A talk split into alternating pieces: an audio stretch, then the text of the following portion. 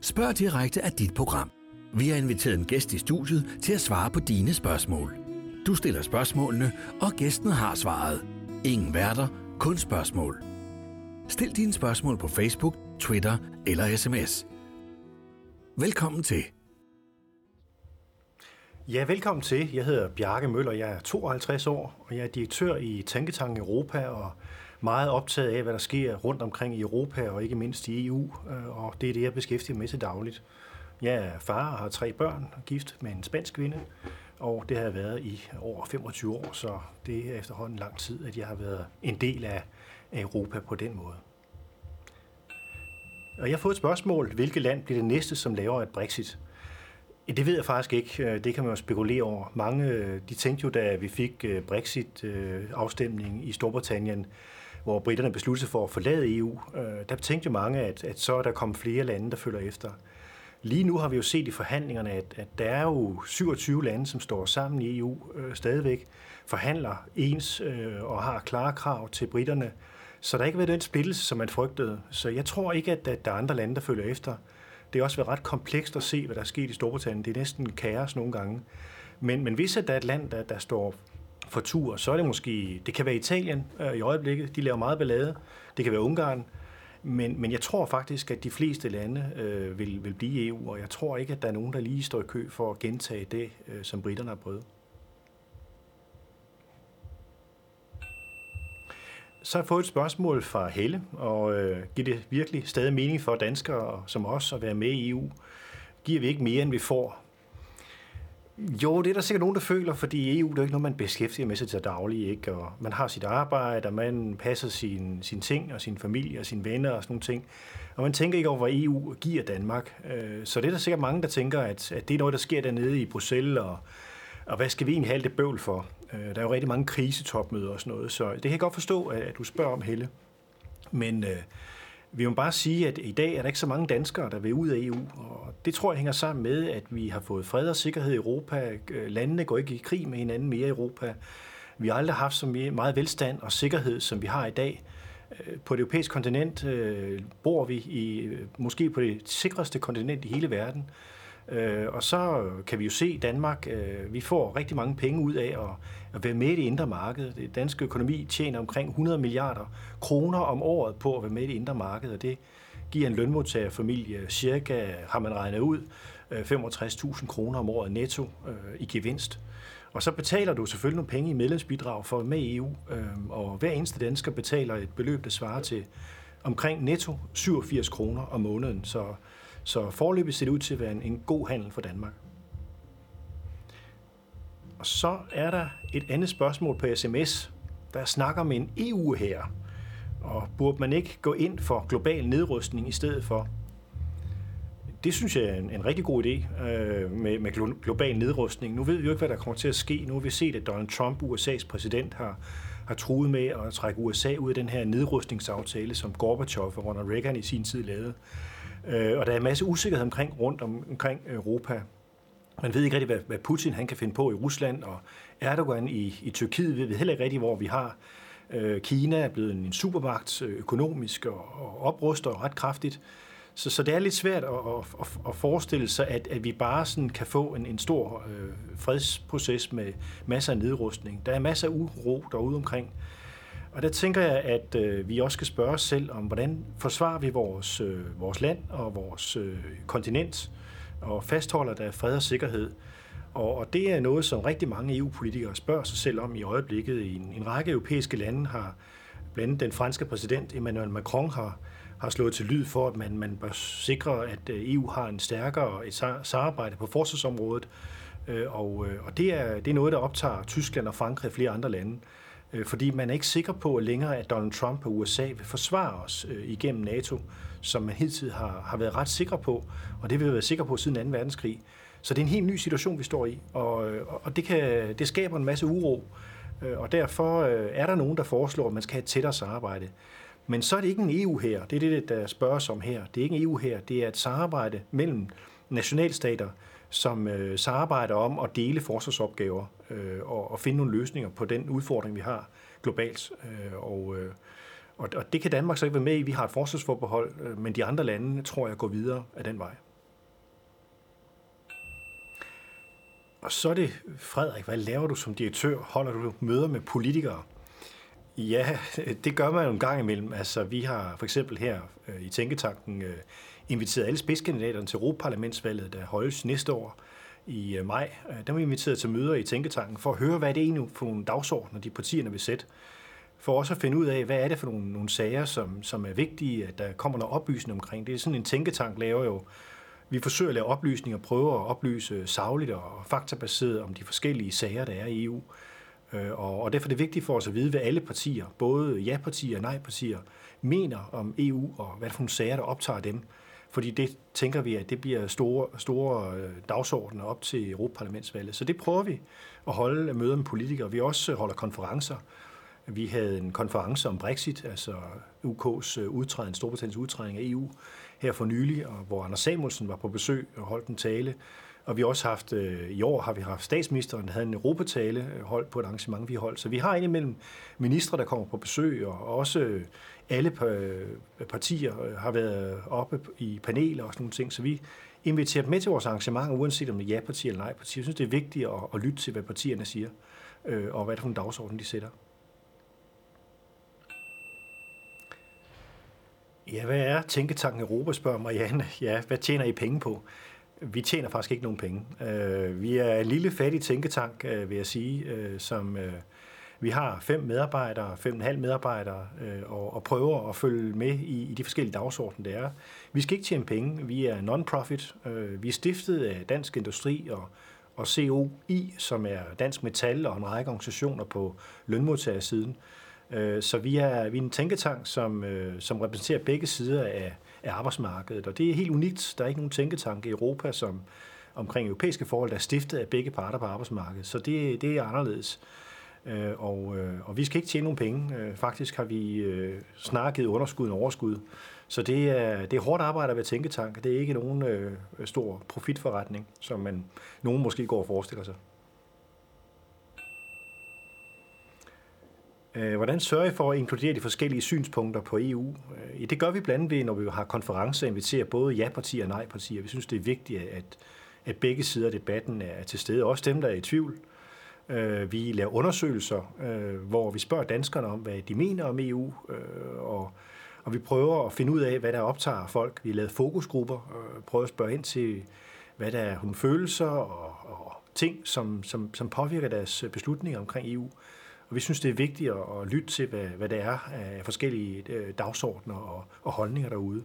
Og så prøver vi at kondensere det og sammenfatte det i nogle notater og nogle papirer. Og, og så, opstiller vi, så opstiller vi forskellige løsningsforslag, og, og vi kommer også i, i tv og forklarer os. Øh, I går der var jeg Godmorgen Danmark, og nu sidder jeg her i DK4, og i går aftes var jeg ude i et forsamlingshus ude på Sydsjælland. Jamen altså, så vi laver mange forskellige ting og, og prøver at, at få, øh, få debatten bredt ud til mange. Så er der et spørgsmål om, hvordan vi kan inkludere de forskellige synspunkter på EU. Jamen altså, det er jo et, et spørgsmål, som, som vi synes er vigtigt, øh, og det er vigtigt, at, at, at vi hele tiden er lytter meget til, hvad der bliver spurgt om, også øh, på, på vælgermøderne øh, og de debatmøder, som konferencer vi holder. Så, så det er en, en, et godt spørgsmål, og jeg synes, det, det er vigtigt som tænketank at have, slå ørerne ud. Øh, så er der et nyt spørgsmål. Og det er, kommer en tænketank også borgere til gode? Spørger Peter. Tja, det ved jeg ikke. Det må du jo selv vurdere, Peter. Altså, øh, vi, vi prøver at fylde øh, debatten øh, ud. Vi prøver at, at løfte en øh, dagsorden. Vi prøver at, at blande os, øh, når der er nogen, der siger, at der er noget, der er forkert. Øh, der var for eksempel på et tidspunkt en, en historie om, at der var to amerikanske kvinder, der blev dræbt i, i Københavns Havn på grund af nogle vandskuter, en vandskuterulykke. Og angiveligt så var den frie bevægelighed fra EU, der var skyld i den her øh, misære, at, at de blev dræbt. Og der må vi så gå ind og oplyse om, at, at, øh, der er faktisk et forbud mod at sejle en vandskuter i Københavns Havn. Og der er ikke noget forbud i EU mod at, at køre med vandskuter, også i, i nære områder til, til kysten. Det er noget, som de enkelte medlemsstater selv bestemmer. Så vi prøver også nogle gange at udrede tråden og finde ud af, hvad der er fakta og, og hvad, der, hvad der er forkert i, i debatten. Så, så det tror vi er, er godt for folkeoplysningen, og der er jo rigtig mange, der blander sig i EU-debatten øh, med alle mulige holdninger, og, og vi er så endnu en stemme, og, Og hvis folk synes, det er fornuftigt, det vi siger, så håber vi, at, at, at de også lytter en gang imellem. Øh, men de kan selvfølgelig også bare lukke ørerne. Det, det er man også velkommen til. Det kan vi ikke forhindre folk i. Bodil spørger, hvad skal EU gøre ved de medlemslande, der ikke lever op til, til deres demokratiske forpligtelser?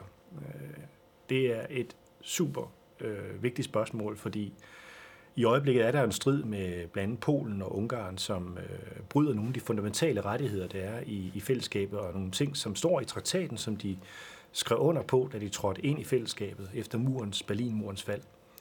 Ungarn, der øh, har man et problem med blandt andet for eksempel uafhængige universiteter, som, øh, som bliver øh, forfulgt og nærmest drevet ud af landet. Øh, journalister, som, som bliver udsat for, for chikane og fængslinger. Øh, og det, det er en stor udfordring. I, I Polen har vi senest haft en debat om regeringen, som har forsøgt at blande sig i domstolenes virke. Og det er meget vigtigt i et demokrati, at man har uafhængige domstole. Der kan vi ikke have, at politikerne bestemmer sig for, at nu skal man bare fyre en dommer, fordi man ikke bryder sig om de domme, han, han eller hun kommer med. Øh, det, der skal man jo følge loven, og det er vigtigt, at, at man, man holder de regler, der spilleregler, der er sat af forfatningen og, og i, i lovgivningen, så politikerne ikke blander sig i domstolen, så vi har uafhængig, en uafhængig retsstat. Så det er vigtigt, at, at, øh, at EU prøver at, at gribe ind i forhold til det der. Problemet er, at man har ikke rigtig muskler til at gøre det, og det er det, der er svært.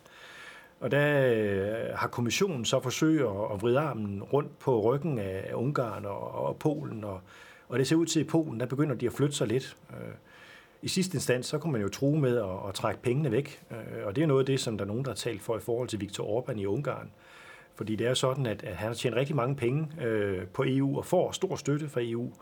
Og, og det, man har set i Ungarn, det er, at, øh, at en del af de penge altså også kommer hans, egen, hans egen familie til gode, og de fører kampagner mod Bruxelles for EU-penge. Og det virker helt forrygt, men, men, men det er faktisk noget af det, der er sket. Og, øh, og der tror jeg, at hvis man begynder at, at presse ham lidt på pengepunkten, så kunne det godt være, at han begynder at opføre sig sådan inden for de spilleregler, som han selv øh, og hans land skrev under på, da man trådte ind i EU. Og det synes jeg er vigtigt, at man gør. At man følger de regler, der er sat. Hvorfor kan jeg ikke købe en bil i Tyskland og bruge den fast i Danmark, når vi begge er med i EU? Jo, det må du spørge politikerne på Christiansborg om. Øh, det, det er, du kan godt bruge nogle måneder, hvis du øh, kommer fra et andet land og bosætter sig der, men, men øh, så skal du altså betale skat i det land. Øh, skat er stadigvæk et nationalt anlæggende, og i Danmark har vi høje bilafgifter. Det er den måde, vi indretter sig på i Danmark. Og det skal alle indrette sig efter. Der kan man ikke bare tage til Tyskland og købe en billig bil, for der er skatten meget lavere. Så skat, det er noget, man betaler det sted, man bor. Øh, og det kan de andre lande ikke blande sig i. Øh, og det, det, derfor kan du ikke bare gå ned og hente bilen nede i en, i en butik nede øh, øh, syd for grænsen, og ligesom vi kan købe billige øl og sodavand dernede. Øh, der, der er lidt nogle andre spilleregler. Har EU-sanktioner mod Rusland hjulpet? Ja, mm, det kan man jo spørge sig selv om. Der er nogen, der mener, at de skal fjernes, de sanktioner. Sagen er jo, at Rusland invaderede Krimhalvøen, har besat Krimhalvøen og, og også øh, støttede øh, nogle grupper i øh, det østlige Ukraine, øh, og dermed overtrådt de spilleregler, som vi har sat i Europa, nemlig at, at man, man skal altså, nationalstatens grænser er ukrænkelige. Man kan ikke bare invadere et andet land, som man har lyst til.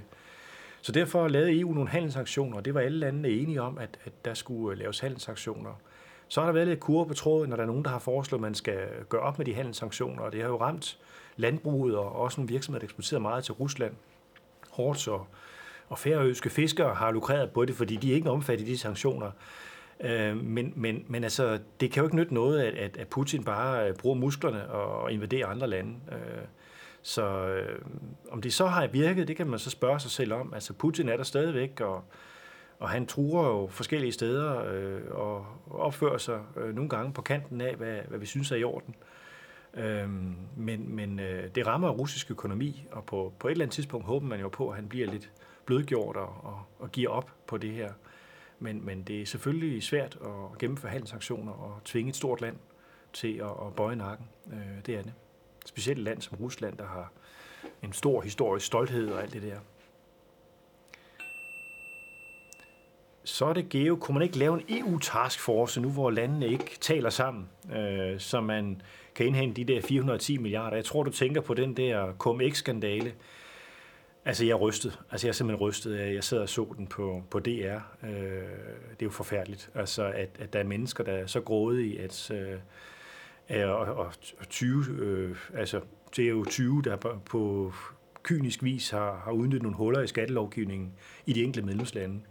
Og der, der er der brug for, at man får ryddet op i det her, og de folk, der er ansvarlige bag det, både i de advokatfirmaer og de store banker, som har været involveret i det, øh, de folk, som øh, har, har spekuleret i at tage almindelige borgers penge, øh, penge, der kunne gå til, til børnehaver og sygehuse og, og daginstitutioner osv., til, øh, til pensionister, jamen det er jo farligt, at, at den slags skal ske. Og øh, der er jo der er problemet så, altså det er jo det er fint nok at nedsætte en taskforce, men der skal også være en straf. Altså fængselsstraf tror jeg er vigtigt, at, at nogle af de der jakkestribede folk, øh, jakkeklædte folk, øh, øh, som de skal jo de skal have en fornemmelse af, at de kan komme i fængsel.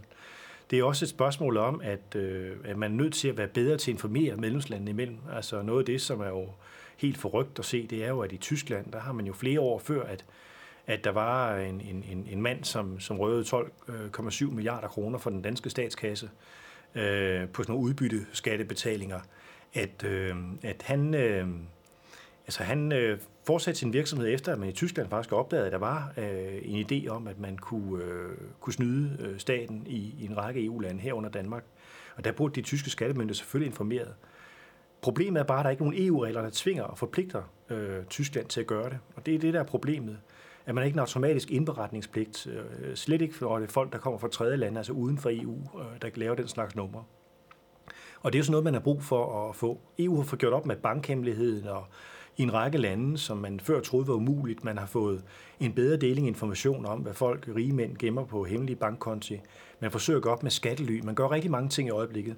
Men problemet er, at, at de nationale øh, skatteregler nogle gange øh, strider i alle retninger. Der er nogle huller i skattelovgivningen, som gør, at, at der er folk med, med meget stor magt og meget masser af kapital, der kan hyre meget dygtige rådgiver til at, at snyde. Øh, og, og det er man nødt til at få lukket de huller, og man er nødt til at samarbejde noget mere i EU om at få, få stoppet den slags, øh, fordi det er andet svineri. Så er det med det, at det ikke en faliderklæring for EU, at øh, finansskandaler bliver ved med at finde sted jeg synes, det er en forlitterklæring for vores samfund, at, at vi har det her. Altså, vi havde jo finanskrisen, øh, og så har vi været udsat for hvidvaskskandaler, og vi har været udsat for, for seneste skattesnyd i et omfang, som man aldrig nogensinde havde forestillet sig kunne finde sted. Øh, jeg tror, der er brug for en, for en, en større hovedrengøring i, i finanssektoren. Det er, det er vigtigt, at, at man også får nogle regler, som er, er enklere, øh, således at der ikke er så mange skattehuller, altså fjerne alle skattehullerne så tror jeg, det er vigtigt, at i forhold til selskabsskat, at EU øh, får mulighed for øh, at lave et fælles øh, grundlag for, hvordan man opkræver selskabsskatten. Det er noget af det, man drøfter i øjeblikket, og formodentlig bliver enige om at få sådan en, en fælles skattebase for det. Fælles regelsæt for, hvordan man opkræver selskabsskat. Jeg tror personligt selv på, og det er også noget, vi foreslår i Tænketanken, at, at vejen frem vil være, at, at man erkender, at vi lever i en global økonomi, hvor virksomhederne, store transnationale virksomheder, faktisk betaler mindre i skat end små og mellemstore virksomheder. Og, og det er ikke godt, øh, og det er ikke godt for, for retfærd, følelsen af retfærdighed. Jeg tror, det er vigtigt, at, at man laver et system, hvor at man har en fælles europæisk selskabsskat, øh, og så resten af skat, den kan ligge nationalstat, men selskabsskat i forhold til store virksomheder, der handler på tværs af grænserne, den bør være fælles, opkrævet samlet, og så kunne man eventuelt bruge pengene til øh, at nedsætte medlemsbidraget til EU, øh, eller bruge det til noget andet fornuftigt. Men jeg tror, det er vigtigt, at man har én sats. Øh, det må godt være lavere end i dag, men der skal være én sats, så der er ikke nogen, der snyder, og der må ikke være nogen huller. Øh, fordi så er der fælles spilleregler for alle, så store som små virksomheder kan få lov til at betale det samme i skat, øh, og så folk ikke bliver snydt. Øh, og det er enormt vigtigt at få stoppet det her, fordi folk vil ikke stå model til det her i længden. Men jeg synes, det er for let at bare skyde skylden på EU. Det er også et, et problem, at nationalstaterne klamrer sig til deres øh, skattemagt. Problemet er bare, at den globale økonomi har udviklet sig helt vildt hurtigt. Og der er det vigtigt, at, at man også får tidsvarende regler, en lovgivning, som, som kan følge med. Øhm, og det gør den altså ikke i øjeblikket. Så er der et spørgsmål om, hvilke lande, der forventer, som jeg forventer, bliver optaget i EU i fremtiden.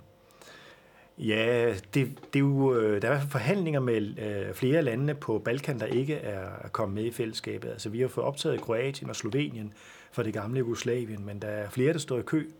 Øh, og øh, Serbien og Bosnien og, og flere andre, øh, Kosovo, vil gerne med i, i fællesskabet. Og, og det tror jeg vil ske inden for, for en, en, en overrække. Men det kræver, at, at de også lever op til de regler, der er i fællesskabet. Og det var jo en langvarig proces, der da de øst- og centraleuropæiske lande kom med i EU, og, og nogen følte måske, at det gik lidt for hurtigt, og der er stadig nogen, der er bekymret over øh, sideeffekterne af den, den udvidelse mod øst i sin tid. Men der tror jeg altså, at, at, at vi må også erkende, at, at det er vigtigt, at øh, nogle af de lande på Balkan, der ikke for forfærdeligt mange år siden lå i, i, i borgerkrig med hinanden, og vi så etniske udrensninger, forfærdelige udrensninger i dele af, af det gamle Jugoslavien. Øh, Bosnien, Sarajevo var en tragedie. Øh, og der, der fik vi jo en voldsom flygtningestrøm på grund af det. Jeg tror, det er vigtigt, at man kommer tilbage til det, som EU kan, nemlig at skabe fred. Øh, og der tror jeg, det er vigtigt at få dem, at de får et, et, øh, ikke kun et perspektiv om medlemskab af EU, men bliver en del af EU, således at, at de også får en, en mere civil og stabil ramme om, om deres samfund, og således at folk ikke igen begynder at rive hovedet af hinanden og gå i krig med, med naboer af anden etnisk øh, herkomst, men faktisk finde ud af at leve sammen og begynde at handle med hinanden, i stedet for at gå i krig med hinanden og handle med hinanden. Øh, og derfor håber jeg, at, at Balkanlandene, de sidste Balkanlande, også kommer med i fællesskabet. Til gengæld så tror jeg ikke meget på Tyrkiet. Øh, Tyrkiet er inde i en, i en autoritær udvikling. Øh, det er heller ikke en del af, i mit verdensbillede, en, en, de har selvfølgelig fødderne lidt inde i Europa, kvæg Istanbul, men det meste af Tyrkiet ligger i, øh, på kanten mellem Mellemøsten og Europa. Øh, og øh, jeg mener ikke, at Tyrkiet øh, har perspektiv om at komme med i EU, og ikke rigtigt er et land, der, der kan leve op til de medlemskrav. Så der vil jeg nok sige, der vil jeg nok stå en, en trækken grænse. Så er der Ukraine, som på sigt øh, måske også kunne blive et, et medlemsland, men, men med alt det, der sker med Rusland så, øh, og Putin, øh, så kan det tage meget lang tid. De har fået en, en handels- og associeringsaftale, og, og den de er glade for. Øh, det kan med til at skabe øget velstand for dem ved at handle mere med, med EU-landene. Men, men, øh, men jeg tror, at, at, at, at det bliver svært at se ret mange flere lande øh, komme med i, i fællesskabet. Bortset fra Balkan, som jeg er helt sikker på øh, vil komme med i fællesskabet inden for en, måske en, en, en 15-årig periode. Så bliver jeg spurgt om, hvad, hvad der ifølge os er EU's vigtigste opgave lige nu.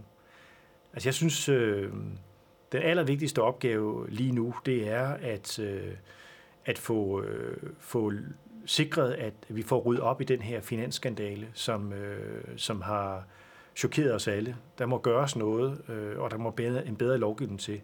Noget andet, noget som jeg synes er vigtigt, at vi får, får adresseret, det er jo, at øh, flygtningekrisen, EU har øh, fået, fået antallet af migranter og, og, og flygtninge, som kom ind over Middelhavet, det var jo et chok for mange, da det skete i 2015. Det var næsten som Europa sendte i september da de kom ind i Europa, og over en million mennesker vandrede op igennem Europa på motorveje og sådan noget, der følte jo folk, at lov og orden brød sammen. Og det, der er sket siden da, det er jo, at tallet er bragt markant ned. Vi er jo øh, faktisk her, hvor i år, der er der ikke øh, kommet mere end 100.000 ind over Middelhavet. Altså vi, øh, vi er, måske har vi fået nedbragt tallet med 90-95 procent, afhængig af, hvordan året udvikler sig.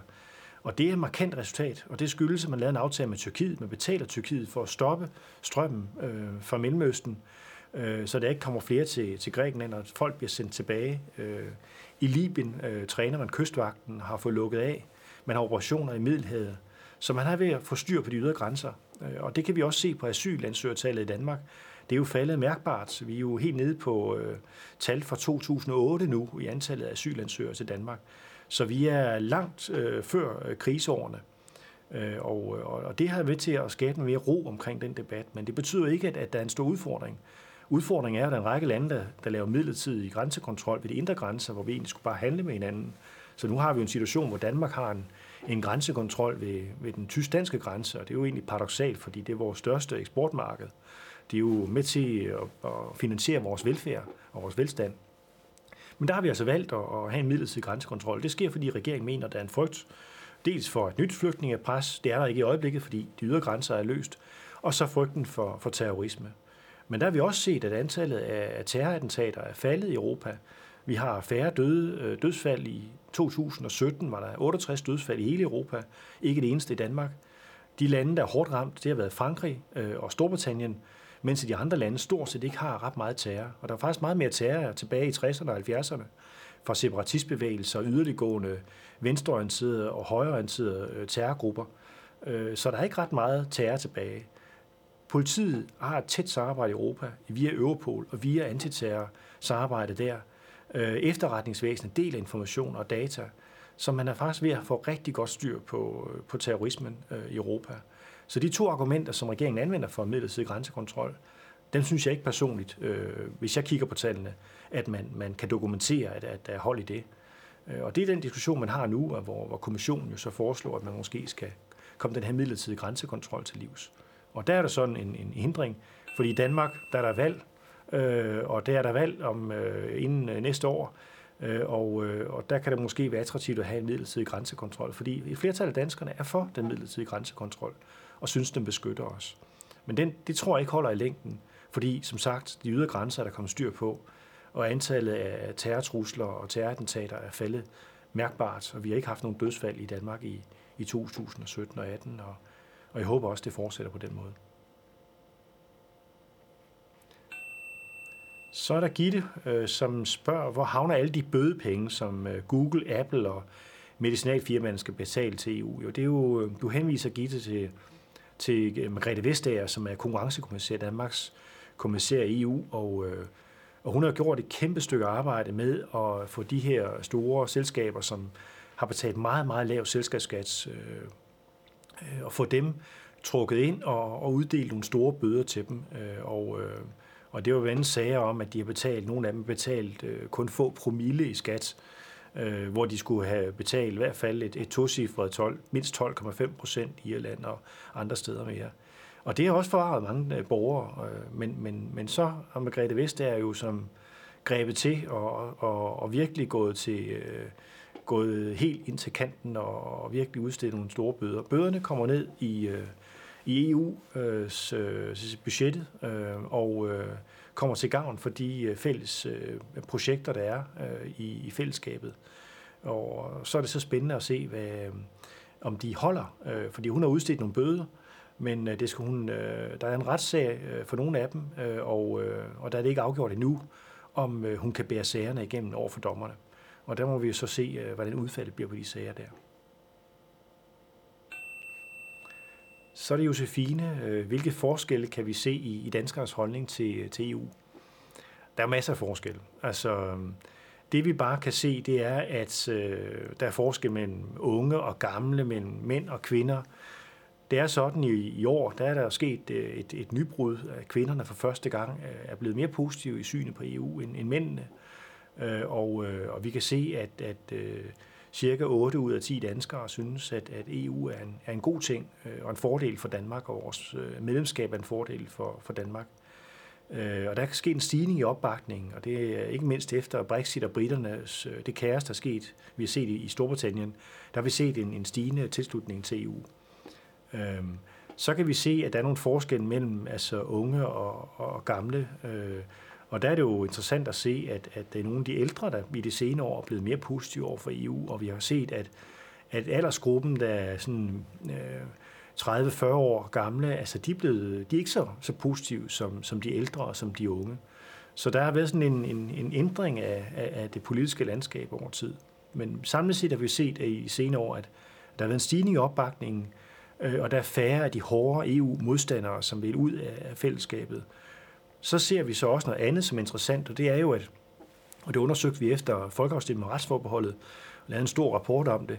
Og der kan vi se, at, at det, der øh, gjorde, at øh, et flertal af danskerne sagde nej til den her tilvalgsorden, der skulle sikre os adgang til Europol og en masse andre ting og sager, det var faktisk, at man, man, øh, det blev, det blev til en sag om grundloven. Folk følte, at det var grundloven, der stod på spil. Og der kan vi se, at, at når, hvis folk bliver spurgt generelt om EU, og siger, er du for EU? Øh, skal EU finde nogle fælles løsninger i forhold til grænseoverskridende kriminalitet, i forhold til asyl og indvandring, eller i forhold til klimaudfordringer osv.? Så siger danskerne, ja, det vil vi gerne. Vi vil gerne samarbejde, vi vil gerne finde fælles løsninger, fordi Det er meget fornuftigt, at det vil fundet nogle fælles løsninger i EU. Men hvis man så i debatten under en folkeafstemning, op til en folkeafstemning, taler om, at det er måske grundloven, der er på spil, så sker der noget andet. Og der kan vi simpelthen se, at der er hele 20 procent points forskel øh, på, øh, på tilslutningen. Øh, og, og det svarer for eksempel til, at, at øh, 50 procent øh, måske er, er tilhængere af et politikområde, og så falder tilslutningen til det område til, til 30 procent. Øh, det er bare et eksempel, men, øh, men det ser vi på en række politikområder, så, så det betyder rigtig meget for danskerne, danskerne at, at vi også beskytter grundloven, øh, og at, at, øh, at, at det ikke er EU er noget, der står i modsætning til grundloven. Så der er sådan en masse nuancer, og vi kigger masse på det, men, men øh, der er hele tiden overraskelser i det spil der. Hvordan synes jeg, EU håndterer de mange flygtninge? Ja, EU kom på bagkant i 2015, og det gjorde alle medlemslandene også. Øh, altså regeringerne kunne at finde ud af at holde de aftaler, de indgået med hinanden, og sendte bare flygtninge over grænsen og håbede på, at andre tog imod dem. Og, og det var lidt et kaos, øh, og EU havde stillet en masse forslag til at gøre noget ved det, øh, og herunder også øh, altså modtagecentre, øh, hotspots, hvor flygtninge, der kommer til Europa, øh, øh kunne få, få mad og, og husly osv., indtil deres sag var færdigbehandlet.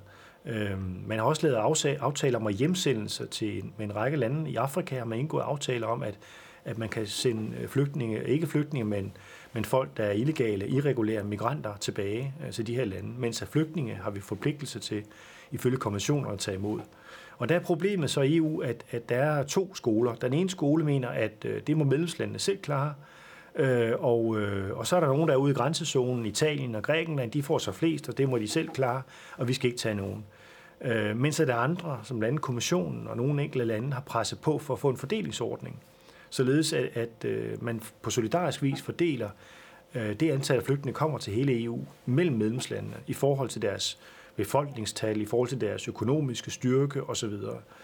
Øh, og de to skoler, de kan ikke blive enige. Øh, så den her fordelingsorden, den er, den er skrottet, øh, vil jeg vurdere. Jeg tror ikke, den bliver til noget.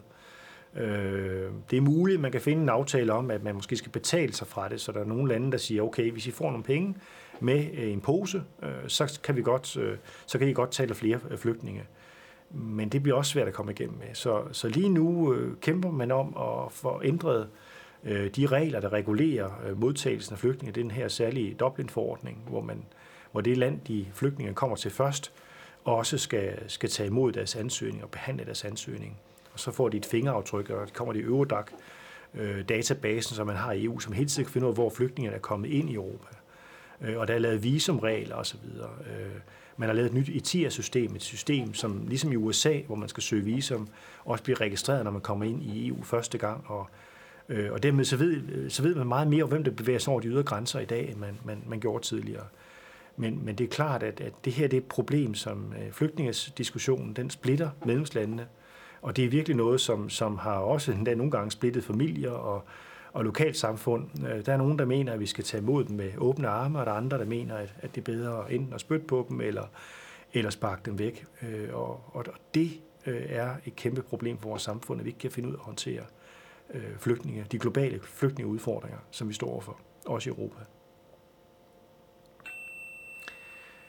Hvorfor bliver der ikke holdt en ny folkeafstemning i, øh, i UK, altså i Storbritannien, nu hvor alle målinger viser, at man har fortrudt Brexit, og en, der spørger på sms? Ja, det er et godt spørgsmål. Altså, øh, Theresa May, den britiske premierminister, hun siger, Brexit means Brexit, så det kan vi ikke, øh, det kan vi ikke ændre. Øh, nu har et flertal, 52 procent, sagt, at de vil ud, og så skal vi selvfølgelig følge det. Lige nu er der lige et lille flertal for at blive i EU, og vi så her i weekenden, at over 600.000 mennesker gik i Londons gader, den anden største demonstration nogensinde i London, øh, for at blive i EU. Øh, der er mange, der har opdaget, at gud, jeg mister en masse borgerrettigheder, og gud, vores økonomi kan få nogle ordentlige sår, og det kan, det kan gå ud over vores velstand, og det kan måske være svært at få medicin frem, og andre ting og sager, som er fremme i de britiske medier. Så, så det dramaet er blevet stort, øh, og det har fået nogen til at ændre mening. Men hvis man skal gå helt til benet, så er der ikke så stor øh, sikkerhed for, at det bliver det ene eller andet udfald. Altså, der er ikke ret mange, der flytter sig fra, fra farvel og tak siden til over til, vi skal blive her i EU øh, siden. Så, så det er altså øh, et, et Storbritannien, som er splittet øh, lige over. Øh, parlamentet er splittet, partierne er splittet. Theresa Mays konservative parti er splittet. Øh, og derfor er det svært at forestille sig, at, at der kommer en, en ny folkeafstemning øh, lige forløbet. Jeg tror, man skal igennem en politisk krise. Jeg tror, at, at det, der kan ske nu, det er, at Theresa May og hendes regering får lavet en aftale med EU27. Man får en aftale på plads i november og december. Så kommer hun tilbage til parlamentet, og hvad sker der så? Kan hun få flertal? Det er der stor risiko for, at det kan hun ikke. Og så står man i, i suppedasen en gang til. Så har man formelt en aftale, men et parlament, der ikke vil bakke den op, så kan der måske blive nyt valg i Storbritannien, og så må man se, hvad den nye regering finder på. Og så kan det jo godt være, at man vælger at sige, ah, lad os lige tage en ny folkeafstemning. Øh, men, men, men det tager altså lidt tid, før man kommer derhen. Skal vi have et større eller mindre EU? Det er jo et af de der klassiske spørgsmål. Altså i Danmark taler vi altid om, at at vi vil gøre op med det her byråkrati, der er EU. Øh, og EU er et kæmpe byråkrati og en kæmpe maskine osv. Faktisk er der færre ansatte i, øh, i Europakommissionen og EU-institutionerne, der er i Københavns Kommune. Så, så stort er byråkratiet heller ikke. Øh, og øh, vi betaler cirka 1% af, af vores øh, samlede årlige velstand til EU, så det er heller ikke så meget, man betaler til EU. Britterne, som øh, jo gerne vil gøre op med byråkratiet øh, i EU, som det var en af de store sager i deres folkeafstemningskampagne, de har fundet ud af, at, at når man melder sig ud af EU, så skal man jo til at have en masse nationale embedsmænd. Så nu er britterne i gang med at ansætte 15-30.000 øh, embedsmænd nationalt, fordi at de skal til at lave nogle opgaver, som tidligere blev løst sammen med de andre EU-lande. Det er for eksempel kontrol af medicin, fødevaresikkerhed, øhm, og det er en række andre ting, 12-deklarationer og andre ting og sager. Så de skal til at, at bygge deres nationale byråkrati op, hvor det tidligere blev løst sammen med de andre EU-lande. Så jeg synes, det der spørgsmål om større eller mindre EU, øh, synes jeg er lidt sådan, det er ikke helt det, som det handler om. Altså jeg synes, det handler mere om, at det EU gør øh, godt nok, øh, skaber det resultater, eller skaber det ikke nogen resultater? Er det til gavn for vores samfund, øh, og giver det også borgere noget tryghed og noget sikkerhed i hverdagen? Øh, laver de fornuftige aftaler, eller er det noget skidt, de laver? Og nogle gange så kommer der nogle ting ud af, af EU's beslutningsproces, når, når rådet, ministerrådet med medlemslandene øh, skal forhandle med Europaparlamentet, vores folkevalgte, om en aftale, og så kommer der noget ud, som man ikke bryder sig om. Og sådan er det også med Folketinget. Øh, Øhm, men jeg synes, det er vigtigt at diskutere EU. Hvad er det for et EU, man vil have? Og, og hvad er det, EU skal beskæftige sig med, end det her større og mindre? Så jeg synes, det er mere et spørgsmål om øh, et bedre EU, øh, i stedet for et dårligere EU. Øhm, og det kan jo føre rigtig mange steder hen. Der er jo der deler folk så også efter anskuelse, og nogle er venstreorienterede, nogle er højreorienterede, og nogle vil hellere lægge snittet lige midt imellem. Altså, så det er svært at diskutere, synes jeg. Så er der Jens, der spørger, hvor vigtig er Europol for Danmark? Øh, får vi stadig nok ud af det? Det er rigtig vigtigt for Danmark. Altså, Europol er meget vigtigt for Danmark, øh, og derfor kæmpede øh, regeringen og, og de politiske partier jo om at få en aftale om Europol, efter vi havde sagt nej ved folkeafstemningen i december 2015.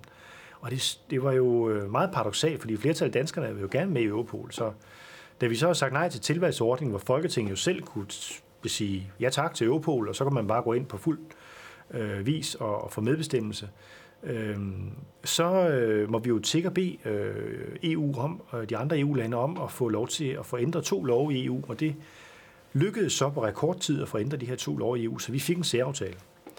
Og det har betydet, at, at dansk politi stadigvæk kan samarbejde med de andre øh, EU-landes øh, politistyrker om at opklare sager om grænseoverskridende kriminalitet, og det er jo rigtig godt fordi øh, det hjælper politiet. Det betyder for eksempel, at politiet kan søge øh, efter informationer på folk, der har kriminelle forhold i andre EU-lande, og, og finde ud af, hvor de kommer fra. Øh, og det er rigtig vigtigt. Problemet er bare, at vi kan ikke få direkte adgang til de data, som, som EU har. Vi kan ringe via nogle e- Europol-ansatte, til, øh, fordi det er den særaftale, man har fået med Europol. Den går ud på, at der er nogle ansatte, som Rigspolitiet så kan ringe til nogle Europol-ansatte og sige, hey, er der ikke eller andet ham her, som har et eller andet kriminelt forhold, kan I søge på ham i databasen, og så søger de Europol ansat i det, og så nogle minutter eller timer efter, så får vi de her data. Og det er sådan nogenlunde. Øh, problemet er bare, at de andre lande, de kan søge direkte i databasen, og, og det er Rigspolitiet ret træt af, og de har jo tidligere sagt, at, at de havde foretrukket, de, de er godt klar over, at, at vilkårene er, som de er, og vi må acceptere de vilkår, der er, men hvis vi kunne få et direkte dataadgang, så kunne det komme lige ned på den håndholdte øh, politimand, så kunne han trække sin, sin telefon frem, og så kunne han så lige søge på databasen, og kunne han se, om, om ham, øh, der stod med det her bil, som så lidt mistænksom ud, også havde et kriminelt øh, forhold. Og det vil være meget lettere for politiet at opklare sager på stedet, øh, finde ud af, øh, hvad sammenhængene var, hvis man kunne søge databaserne direkte. Men, men dansk politi søger rigtig meget i databaserne, og, og får, øh, vi har jo søgt øh, millioner af gange, både i Europols database og i Schengens øh, database, så det her grænsesamarbejde der i EU, der har politiet søgt over 20 millioner gange i 2017. Øh, og i Europols database EIS, der har man søgt 5,6 millioner gange i 2017. Så der bliver søgt rigtig meget. Og noget af det, som de søger på, det er jo noget, som folk ikke ved, men der er kommet det her med nummerpladescanninger, og det er der også ved grænsen, hvor man laver nummerpladescanninger. Men de er kun effektive, fordi man kan søge ned i EU's database og trække data ind fra for eksempel den her Schengen-grænse-database. Og så kan man se, om øh, det for eksempel er en stjålen bil eller andre ting og sager. Så er det meget nemmere for, for folk lige at kalde dem ind og sige, hey, du skal lige herind, og, og så kan man finde ud af, øh, hvordan det egentlig forholder sig.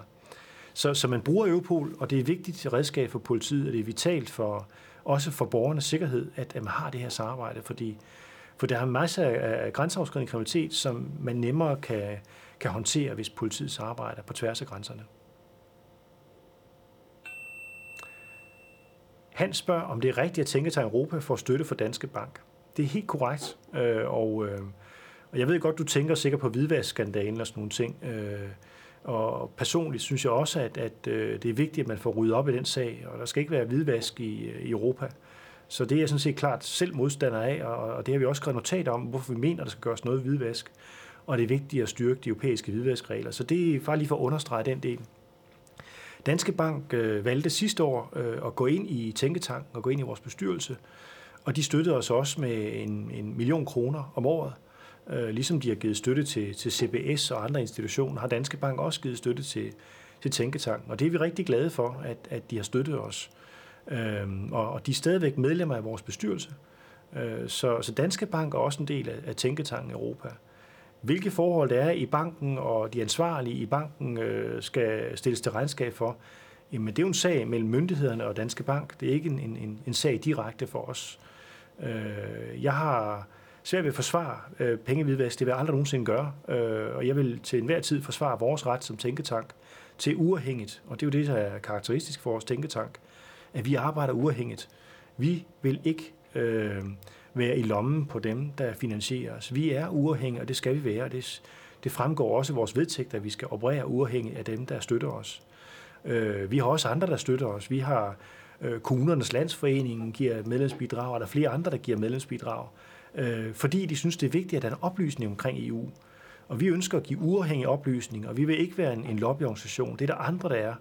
Øh, og på samme måde med Danske Bank, Øh, de kan ikke bestemme, hvad, hvad Tænketank Europa laver, og derfor har vi også lavet notater om, om pengehvidvask.